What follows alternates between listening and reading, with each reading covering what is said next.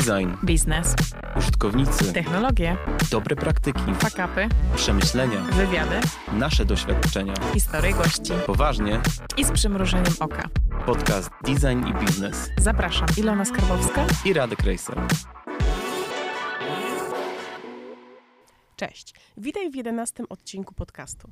Dziś porozmawiamy o danych rynkowych, które pokazują, że warto inwestować w UX. Jesteśmy projektantami i strategami. Zajmujemy się na co dzień wspieraniem biznesów naszych klientów poprzez tworzenie rozwiązań ulepszających doświadczenia ich klientów. Dzięki nam startupy dostarczają produkty, za które użytkownicy chcą zapłacić, a tradycyjne firmy przechodzą transformację cyfrową, no i zyskują nowych odbiorców.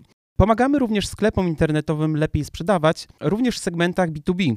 No i to, co jest dużym wyzwaniem dla nas w codziennej pracy, jest uwiarygodnienie wartości płynącej z inwestowania w UX. Nasi klienci wiedzą, że to UX czy też UI jest czymś właśnie, co potrzebują usprawnić, no bo słyszą to od swoich użytkowników, klientów. Widzą też, jak konkurencja zaczyna podgryzać ich klientów właśnie poprzez rozwijanie rozwiązań z tego obszaru. Jednak wciąż to, co ja widzę, szczególnie dla tych, którzy mocno siedzą w liczbach, wiesz, w tych Excelach, no to nie wystarcza. Dlatego dzisiaj właśnie będziemy omawiać konkretne liczby.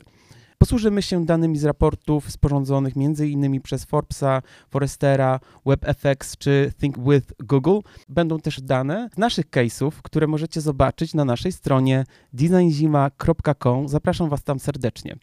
Przechodząc już do raportów, które mieliśmy okazję sobie przeanalizować, powiedz mi, która statystyka jest według Ciebie najgrubsza? Taka liczba, która robi na mnie największe wrażenie i myślę, że jest też no, wypowiadana jednym tchem we wszystkich artykułach, które mówią o wartości płynącej z UX, jest to, że każdy jeden dolar zainwestowany w UX przynosi zwrot na poziomie 100 dolarów. No i oczywiście jest to gruba informacja, gruba liczba, natomiast ona o czymś mówi. I wiadomo, że w każdej branży będzie to wyglądało trochę inaczej.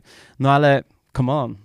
Ta statystyka robi wrażenie, co mówi nam jednoznacznie, że dbanie o inwestowanie w user experience ma bezpośredni wpływ na biznes. Okej, ale to jest statystyka, która właśnie robi wrażenie, bije po oczach.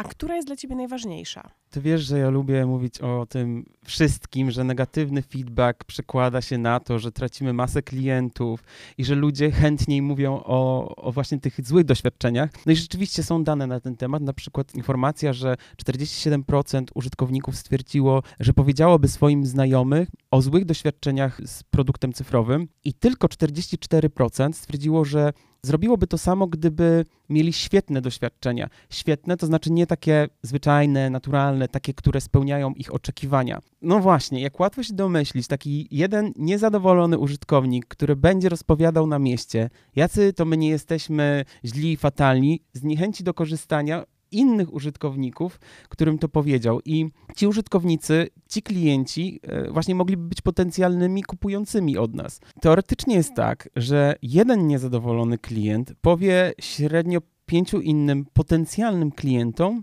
o tym e, swoim złym doświadczeniu. I wyobraźmy sobie taką sytuację trochę jak w filmie Podaj Dalej. Nie wiem, czy Ilona oglądałaś ten film.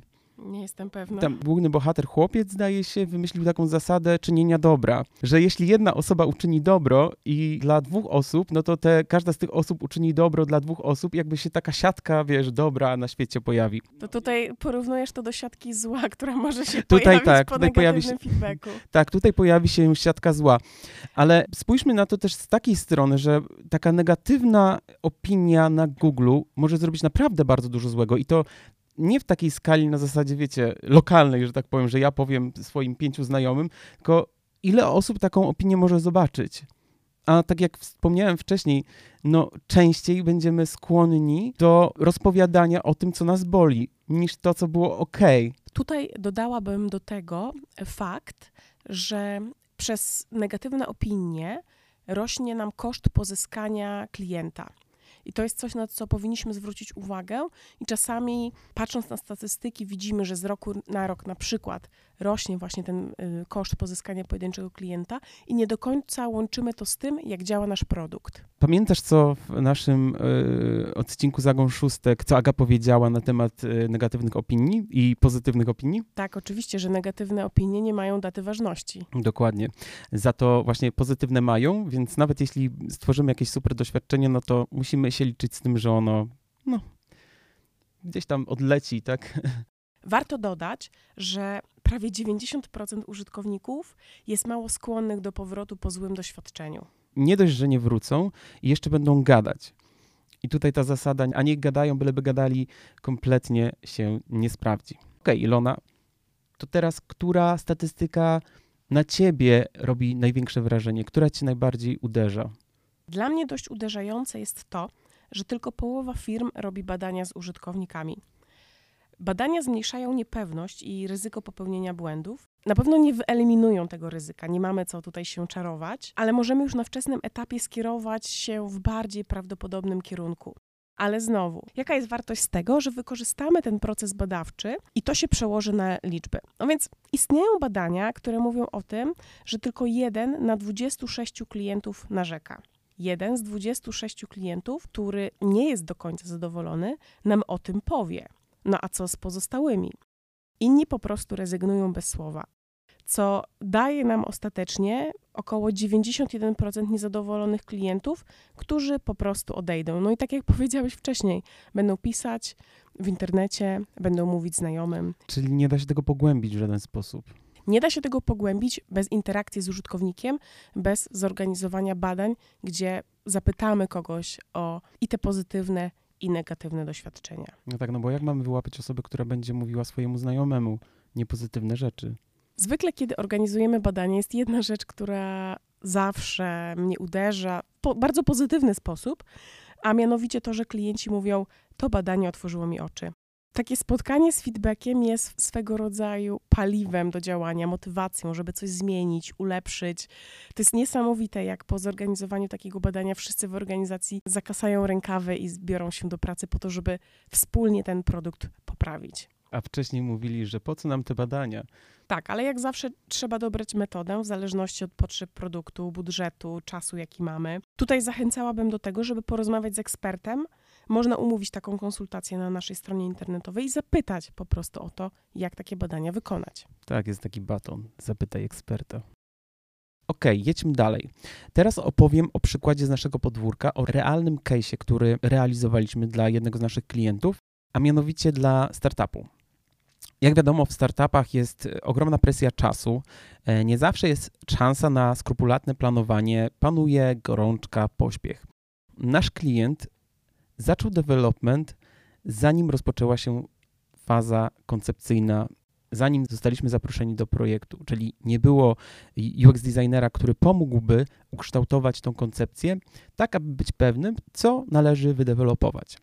No więc co się działo? Jak się ta faza koncepcyjna skończyła i kształtował się pomysł na produkt, musieliśmy doklejać do wdrożonego produktu te cechy, które zostały wypracowane tak, żeby dostarczyć tą wartość, która no, realnie miała spełnić założenia. I oczywiście po paru miesiącach wyszło tak, że trzeba było cały ten system zaorać i zbudować go na początku. Tak więc no, straciliśmy czas, straciliśmy pieniądze. Istnieje taka dana, która właśnie mówi o tym, że Zaangażowanie UX-a w czasie fazy koncepcyjnej może zredukować koszty i skrócić czas developmentu od 33% do 50%. Ważne jest tutaj też to, że planowanie jest, odgrywa istotną rolę. Nasza praca również polega na planowaniu, szczególnie tych rzeczy związanych z budowaniem koncepcji, takiej koncepcji, która dostarczyłaby wartość dla użytkownika. Przejdźmy dalej. Aż 52% osób twierdzi, że głównym powodem, dla którego nie wracają na stronę jest estetyka. Moja ulubiona. Spójność estetyczna równa się wiarygodność. Wyobraźmy sobie sytuację, że robimy zakupy w sklepie internetowym. Przechodzimy przez koszyk, oglądamy kartę produktu, wchodzimy do checkoutu i ten checkout wygląda zupełnie inaczej niż pozostałe strony. Może to budzić nasz niepokój. Możemy też pomyśleć, że jest to jakiś skam, że tak naprawdę ta strona nie istnieje, jest, chce nas oszukać. A właśnie byliśmy w miejscu, gdzie byliśmy o krok od wydania naszych pieniędzy. Takie wątpliwości natury estetycznej no, znacząco wpływają na to, jak odbieramy stronę. Musimy też pamiętać o tym, że w estetyce zakodowane są pewne informacje, które działają na naszą podświadomość. Tak skonstruowany jest nasz mózg, inaczej byśmy byli ciągle przeciążeni poznawczo interpretowaniem pewnych sygnałów, informacji. No ale nasz mózg działa w ten sposób, że stosujemy skróty, które pozwalają nam w bardzo szybki sposób interpretować to otoczenie. Dajmy na to kolor czarny, będzie pasował do produktów, które są bardziej premium, a róże i błękity będą bardziej frywolne. Produkty, które mają takie kolory, mogą być też kierowane dla, no, powiedzmy, dzieci i młodzieży. Ale to nie wszystko. Same zdjęcia, których używamy na stronie, też opowiadają pewną historię. Kiedy chcemy być bardziej oficjalni, no raczej nie pokażemy ludzi, którzy wyrażają emocje, uśmiechają się. Taki przekaz będzie pasował do mniej formalnych produktów, gdzie warto pokazać emocje, jakie chcemy wywołać właśnie podczas korzystania z produktu. Grafiki, zdjęcia podbijają informacje, o czym jest nasz produkt, jakimi chcemy być, jakimi chcemy być postrzegani. No, niestety wciąż widzę sporo firm, które umieszczają zdjęcia ładnej kobiety, która no nie wiadomo w jaki sposób koreluje z marką, usługą, którą sprzedajemy. Ja bym chciał się jeszcze odnieść do tego pierwszego punktu, o którym mówiłaś, czyli o tej spójności estetycznej i w jaki sposób można ją wypracować, jakie narzędzia pomagają nam ją zachować. I tutaj opowiem o wartości, jaka płynie z budowania design systemu. Bo często ta niespójność bierze się właśnie z tego, że nie ma uspójnionej biblioteki komponentów. Zdarza się taka sytuacja, że deweloperzy, no, hulaj dusza, jak się mówi, Piekła nie ma. piekła nie ma i właśnie nie, niektóre strony tak wyglądają i dużo klientów, którzy zwracają się do nas z, tą, mm, z takim problemem, zaczyna mieć taki design system dzięki naszej pomocy i my bardzo lubimy to robić, bo wiemy, jaka to jest ogromna wartość. Poza tym, że rzeczywiście te strony zaczynają być wiarygodne poprzez to, że są jednolite, spójnie estetycznie, no to znowuż design system jest narzędziem, które skraca prace deweloperskie. No niestety jest kosztowny czasowo, ale e, zwrot z inwestycji na pewno jest duży, bo potem po prostu, po pierwsze, użytkownicy nam nie uciekają, bo jest zachowana ta spójność, jest podtrzymane zaufanie do strony. Po drugie, development, korzystając z tych y, elementów, buduje bardzo szybko strony i nie potrzebuje, nie potrzebuje już projektantów do tego, żeby każdy element ustawiać na makietach. Design system mówi sam za siebie, jak należy to zrobić. Dla mnie design system to jest, szczególnie dla produktów, które już są na rynku jakiś czas, to jest swego rodzaju taka decyzja, czy kopać nowe dołki, czy zakopywać stare dołki.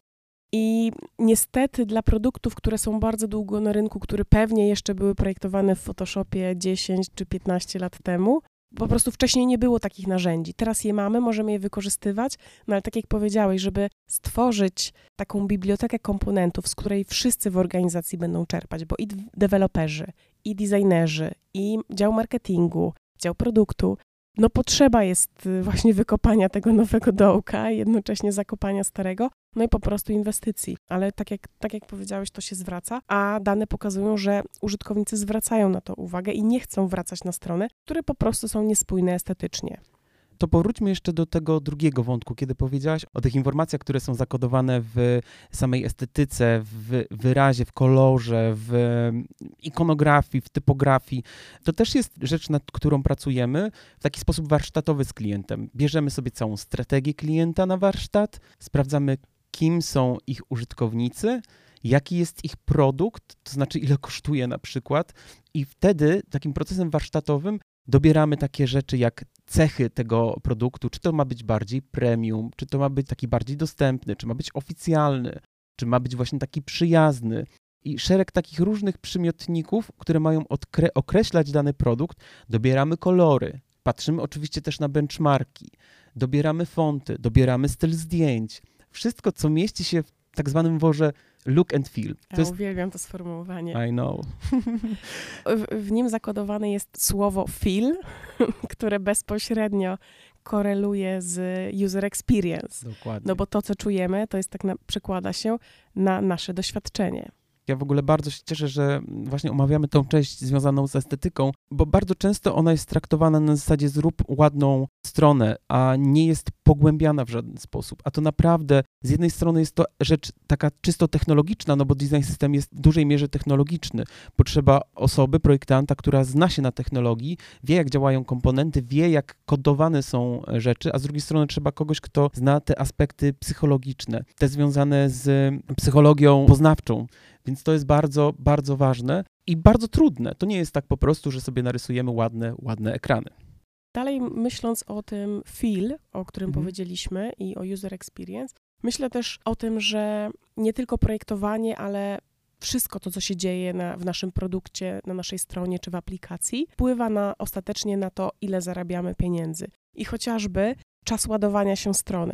Użytkownicy, szczególnie przy urządzeniach mobilnych, poczekają maksymalnie 3 sekundy, zanim nie wyjdą ze strony. Ja sama padłam tego ofiarą, będąc szczególnie za granicą, gdzie ten internet jest trochę mniej wydajny niż, niż będąc tutaj w Polsce, że po prostu nie chce mi się tego sprawdzać. Jeżeli coś nie ładuje się w 3 sekundy, to, to, to mnie to nie interesuje. Ja już jestem tak zniecierpliwiona, że ze strony wychodzę. Albo jeśli właśnie jesteś zdana na ten kiepski internet, to zalewa cię po prostu gorąca krew wściekłości, że dlaczego to się dzieje tak wolno, jak już chcesz, ja już chcę to mieć. Ale to jest wyzwanie, żeby coś takiego przełknąć. Statystyki też pokazują, że strony internetowe o takim średnim przychodzie 100 tysięcy dolarów dziennie tracą 2,5 miliona dolarów rocznie z powodu jednosekundowego opóźnienia. Wystarczy jedna sekunda wolniej i już mamy dosyć mocno obcięte budżety. Ja myślę sobie, że to nie jest może problem, który da się rozwiązać samym user experience, ale on na maksa wpływa na ten user experience, więc myślę, że należy mieć to na uwadze, jak wdrażamy stronę albo jakiej technologii budujemy stronę czy aplikację, jakich elementów używamy na stronie, które mają tą stronę budować, bo to wszystko wpływa właśnie na prędkość. To jest coś, co mogłoby się znaleźć w audycie User Experience, ale my jako designerzy niestety w Figmie tego nie naprawimy. Dokładnie. Ale co możemy poprawić? Okazuje się, że wprowadzając nawet drobne poprawki, można znacząco zmienić doświadczenie użytkownika. Tak zwane quick fixy mogą okazać się strzałem w dziesiątkę. No i tutaj jest przykład. Platforma reviews.io, która umożliwia zbieranie publikacji i zarządzanie opiniami od klientów, podobnie trochę tak jak polskie Ceneo, pracując nad poprawą interfejsu użytkownika, firma wprowadziła jedną małą poprawkę, która zwiększyła ich konwersję o 300%. Wyobrażasz to sobie? 300%. To jest marzenie każdego product managera. Hmm, każdego klienta. No i każdego UX designera, który po Dokładnie. prostu chce mieć takie osiągi. w swoim portfolio. Dokładnie. A chodziło o prostą zmianę. Na stronach profilowych firm umieszczono ocenę klientów w formie procentowej, rezygnując z wcześniej prezentowanych tradycyjnych gwiazdek. Ta mała zmiana okazała się kolosalną różnicą w doświadczeniu klienta i podbiła zaufanie do portalu oceniającego produkt tej marki.